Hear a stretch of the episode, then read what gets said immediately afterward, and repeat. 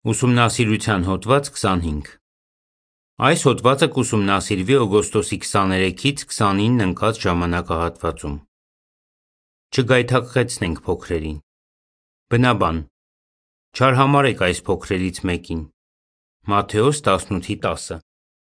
Երգ 113 Խաղաղությունը մեր ժառանգությունն է Այս հոդվածում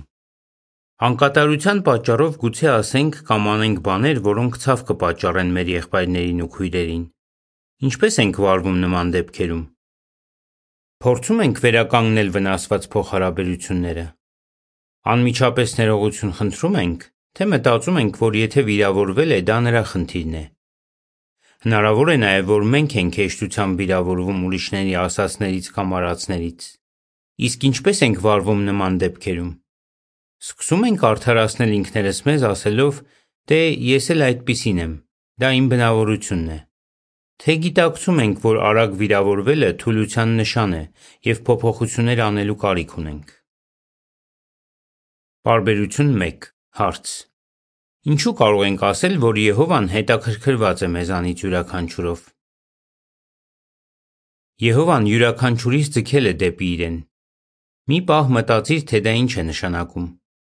Նա միլիարդավոր մարդկանց միջից ընտրել է հենց քեզ, քանի որ քո մեջ մի շատ արժեքավոր բան է տեսել: Անկեղծ սիրտ, որը կարող է սիրել Իրեն: Եհովան ճանաչում, հասկանում ու սիրում է քեզ: Ինչպիսի՜ քաջալերական միտք: Պարբերություն 2 Հարց. Հիսուսն ինչպե՞ս ցույց տվեց, որ Եհովան հետաքրքրված է մեզանից յուրաքանչյուրով: Եհովան խորապես հետաքրքրված է քեզանով: Նա նաև հետաքրքրված է քո հավատակիցներից յուրաքանչյուրով: Այս միտքը բացատրելու համար Հիսուսը Եհովային համեմատեց հովվի հետ: Ի՞նչ կանի հովիվը, եթե իր հարյուր ոչխարներից մեկը մոլորվի: Նա կթողնի 99-ին սարերում և կգնա ու կփնտրի մոլորվածին: Ու երբ գտնի նրան, չի նախատի, այլ կուրախանա: Ի՞նչ ենք սովորում: Եհովայի համար իր ամեն մի գառնուկը թանկ է: Հիսուսն ասաց. «Իմ Հայրը, որ երկնքում է, չի ցանկանում, որ այս փոքրերից մեկը կործանվի»: Մատթեոս 18:12-14 Պարբերություն 3 Հարց. Ի՞նչ ենք քննելու այս հոդվածում: Ինչ խոսք, մենք երբեք չենք ցանկանա պատճառ լինել, որ մեր եղբայրներից կամ քույրերից մեկը վհատվի: Ի՞նչ կարող ենք անել, որ գայթակղության պատճառ չլինենք ուրիշների համար: Իսկ ինչպե՞ս վարվենք, եթե մեզ են վիրավորել: Հոդվածից կիմանանք այս հարցերի պատասխանները: Բայց նախ եկեք տեսնենք, թե ովքեր են Մատթեոս 18-րդ գլխում նշված փոքրերը: Ովքե՞ր են փոքրերը: Պարբերություն 4 Հարց.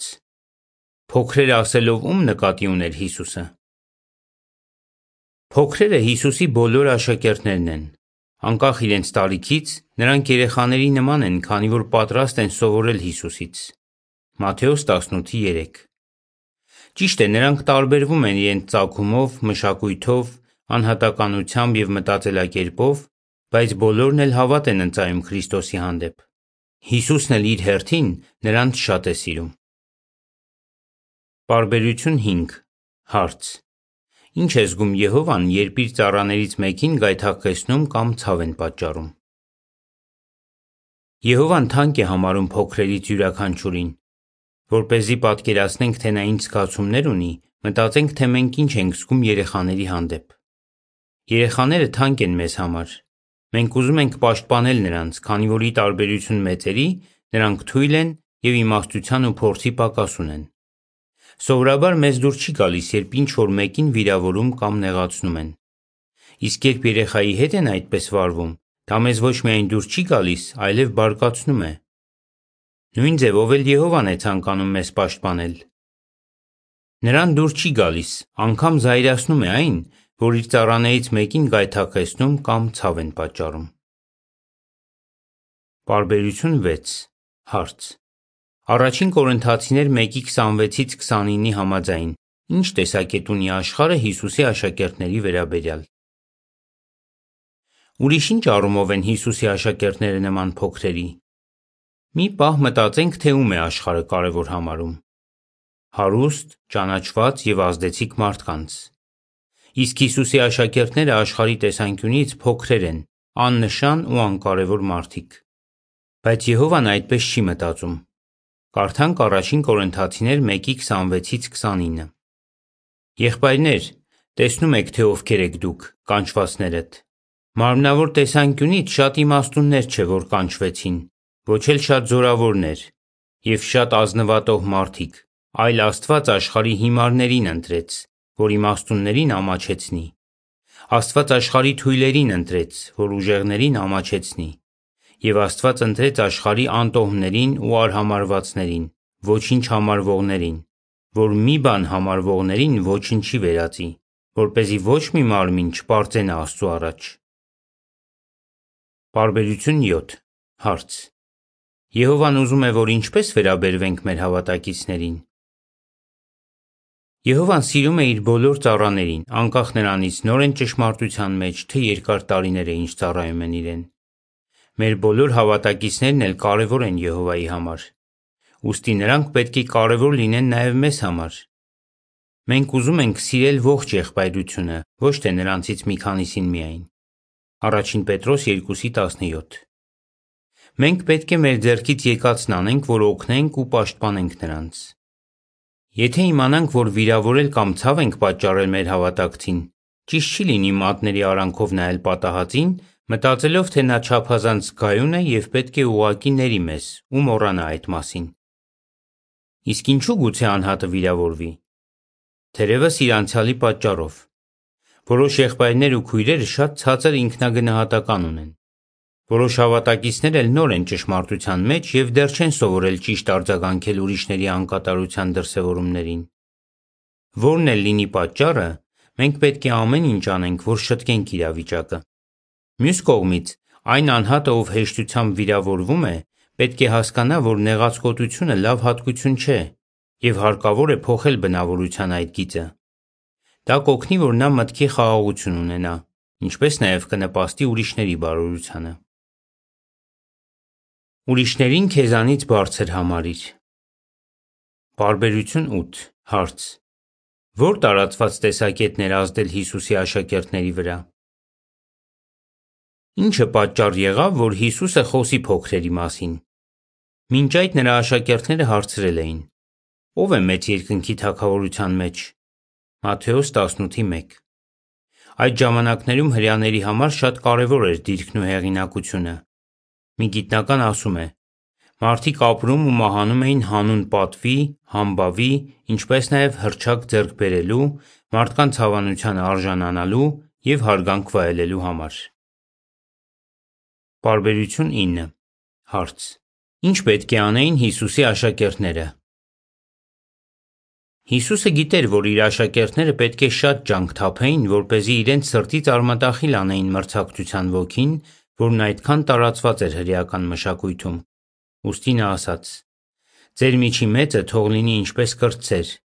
և ով որ գլխավորում է, թող լինի ինչպես ծառայող։ Ղուկաս 22:26 Մենք մեզ կրտսերի պես ենք պահում, երբ ուրիշներին մեզանից ավելի բարձր ենք համարում։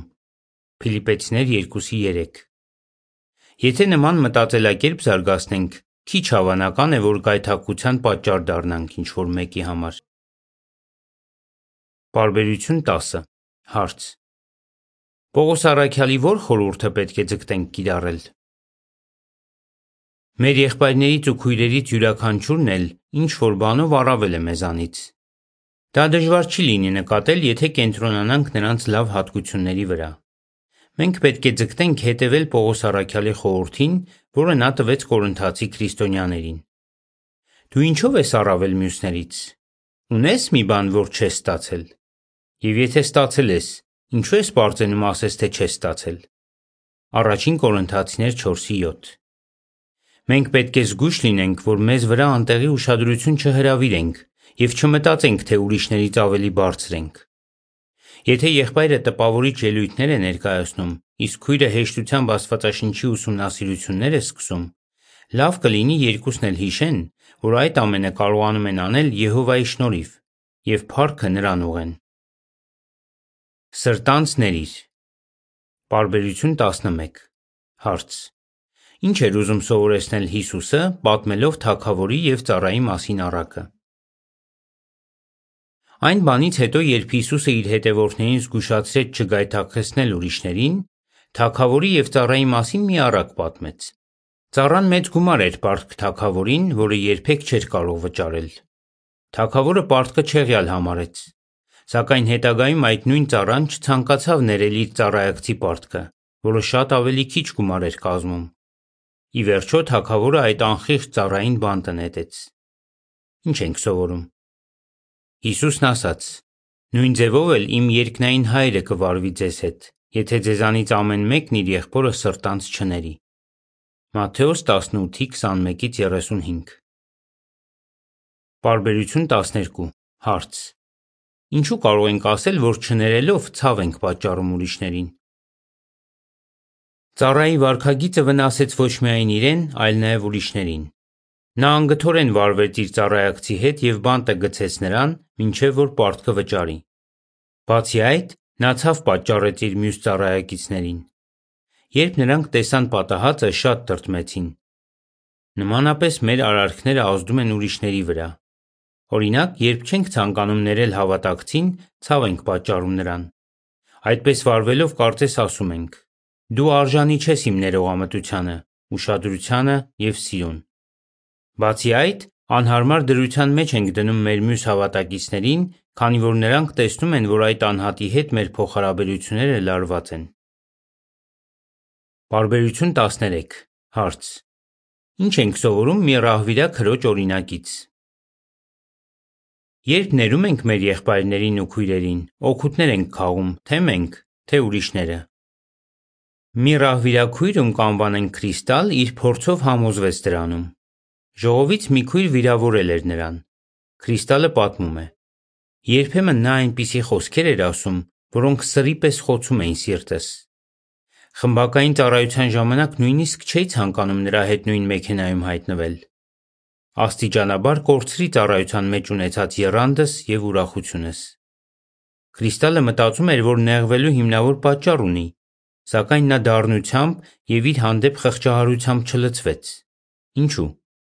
Քանի որ խոնարհաբար կիրառեց սուրբգրային մի խորհուրդ, որը նշված էր դիտարանի 1999 թվականի նոյեմբերի 1-ի համարում տպագրված «Սրտանց ների» հոդվածում։ Քրիստալը ներեց իր քրոջը։ Նա ասում է. Հիմա հասկանում եմ, որ բոլորս էլ ձգտում ենք նոր անձնավորությունը հագնել և որ Եհովան ամեն օր մեծահոգաբար ներում է մեզ։ Երբ ներեցի, ուսերիցս ասես մի ծանր բեռ ընկավ։ Ես վերագտա ուրախությունս։ Բարբերություն 14 Հարց. Ինչպես երևում է Մատթեոս 18-ի 21 եւ 22 համարներից, թերևս ինչ խնդիր ուներ Պետրոս առաքյալը, եւ մենք ինչ կարող ենք սովորել Հիսուսի պատասխանից։ Մենք գիտենք, որ պետք է ներողամիտ լինենք, քանի որ այդպես վարվելը ճիշտ է, բայց դա գուցե հեշտ չլինի։ Թերևս Պետրոս առաքյալի համար էլ երբեմն հեշտ չէր լինում ներել։ Կարդանք Մատթեոս 18:21 եւ 22-ը։ Այդ ժամանակ Պետրոսը մոտեցավ ու հարցրեց նրան. Տեր, եթե իմ եղբայրը մեղ գործի իմ դեմ, քանի անգամ պետք է ներեմ նրան։ Մինչև 7 անգամ։ Հիսուսն ասաց. Ասում եմ քեզ, ոչ թե մինչև 7 անգամ, այլ մինչև 77 անգամ։ Իսկ ի՞նչը կարող է օգնել մեզ այս հարցում։ Նախ խորհրդածիր այն մասին, թե որքան ներողամիտ է եղել Եհովան քո հանդեպ։ Մենք արժանի չենք նրա ներողամտությանը, բայց նա մեծահոգաբար ներում է մեզ։ Բացի այդ, մենք պարտավոր ենք իրար սիրել, ուստի ներողամիտ լինելը ընտրության հարց չէ։ Մենք պարտավոր ենք ներել մեր քույրերին ու եղբայրներին։ Առաջին Հովանես 4:11 Խորհրդածիր նաև այն մասին, թե ինչ լավ արդյունքներ է բերում ներելը։ Այդպիսով մենք օգնում ենք մեզ վիրավորողին, նպաստում ենք ժողովի միասնությանը, պահպանում ենք Եհովայի հետ մեր ընկերությունը և մեր ուսերից մի ծանր բեռ ենք ընկնում։ Ինչպես նաև աղոթիր նրան, ով պատվիրում է մեզ ներողամիտ լինել։ Թույլ մի տուր, որ սատանան խաթարի այն խաղաղությունը, որ վայելում ես հավատակիցներիդ հետ։ Առանց Եհովայի օգնության մենք չենք կարող խուսափել սատանայի թակարդից։ Նկար. Պարբերություն 13-ից 14 Ժողովի քույրերից մեկը վիրավորված է մյուս քրոջից։ Նրանք առանձին հարթում են տարաձայնությունը, մոռանում են դրա մասին եւ իրար հետ ուրախ ծառայում։ Նկարի մակագրություն։ Դառնությամբ կլցվես, թե սրտանց կներես։ Միշտ ապիր վիրավորվել։ Պարբերություն 15 Հարց. Ըստ Կողոսացիներ 3:13-ի, ինչ պետք է անես, եթե հավատակիցդ արել է մի բան, ինչը չես կարողանում մոռանալ։ Իսկ ինչ կարող ես անել, եթե հավատակիցդ արել է մի բան, ինչը ոչ մի կերպ չես կարողանում մոռանալ։ Ամեն ինչ արա, որ խաղաղությունը չխաթարվի։ Ջերմեռանդորեն աղոթիր Եհովային։ Խնդրիր, որ նա օրհնի քեզ վիրավորողին եւ օգնի տեսնես նրա լավ հատկությունները, այն հատկությունները, որոնք նրան թանկ են դարձնում Եհովայի համար։ Եթե չես կարողանում մոռանալ հավատակցի տարածը, մտածիր, թե ինչպես կարող ես խոսել նրա հետ։ Լավ կլինի նաև մտածես, որ նա քեզ ցավ պատճառելու մտադրություն չի ունեցել։ Երբ խոսես նրա հետ, կասկածի տակ մի դիր նրա մղումները։ Իսկ եթե նա չի ցանկանում խաղաղություն հաստատել, շարունակիր համբերատար լինել նրա հանդեպ։ Հույսդ մի կտրիր նրանից։ Կարդանք Կողոսացիներ 3:13-ը։ Եթե որևէ մեկը մյուսի դեմ գանգատվելու պատճառ ունի, շարունակեք համբերել իրար եւ մեծահոգաբար ներել միմյանց։ Ինչպես Եհովան մեծահոգաբար ներեց ձեզ, այդպես էլ դուք արեք։ Ամենակարևորը բարկությամբ մի լցվիր նրա հանդեպ, քանի որ այդպիսով կվնասես Եհովայի հետ ընկերությունդ։ Երբեք թույլ մի տուր, որ որևէ բան գայթակղեցնի քեզ։ Այդպես կփաստես, որ Եհովային ամեն ինչից առավել ես սիրում։ Պարբերություն 16 Հարց. Ինչ պատասխանատվություն ունի մեզանից յուրաքանչյուրը։ Մեզ համար շատ թանկ է Եհովային միասնաբար ծառայելու առանձնաշնորհումը։ Մենք մեկ հոտ ենք մեկ Հովվի հոգածության տակ։ Հովանես 10:16 Կազմակերպված ենք կատարելու Եհովայի կամքը գրքի 165-րդ էջում գրված է. Դու օգուտներ ես քաղում այդ միասնությունից, ուստի պատասխանատվություն ունես նպաստելու դրա պահպանմանը։ Մենք պետք է սովորենք մեր եղբայրներին ու քույրերին նայել Եհովայի աչքերով։ Եհովայի համար մենք, բոլոր փոքրերս, շատ թանկ ենք։ Իսկ դու թանկ համարում ես հավատակիցներիդ։ Եհովան նկատում եւ գնահատում է այն ամենը, ինչ անում ես փոքրերին օգնելու եւ նրանց մասին հոգ տանելու համար։ Պարբերություն 17 Հարց. Ինչ ենք վճռել անել։ Մենք սիրում ենք մեր հավատակիցներին, ուստի վճռել ենք գայթակղության քար չդնել եղբոր առաջ կամ սայթաքելու պատճառ չստեղծել նրա համար։ Հռոմեացիներ 14:13 Մենք մեր հավատակիցներին մեզանից բարձր ենք համարում եւ ցանկանում ենք սրտանց ներել նրանց։ Թող որ երբեք չգայթակղվենք ուրիշների խոսքերից եւ արարքներից։ Փոխարենը հետամուտ լինենք այն ամենին, ինչը խաղաղություն է բերում եւ նպաստում է միմյանց կերտելուն։ Հռոմեացիներ 14:19 Կրկնության հարցեր։ Ինչ կպատասխանես։ Ովքեր են Մատթեոս 18-րդ գլխում նշված փոքրերը։ Ինչպես կարող ենք մյուսներին մեզանից բարձր համարել։ Եթե դժվարանում ենք ներել, ինչ կարող ենք անել։ Երկ 130 Ներողամիտ լինենք։ Հոդվացի ավարտ։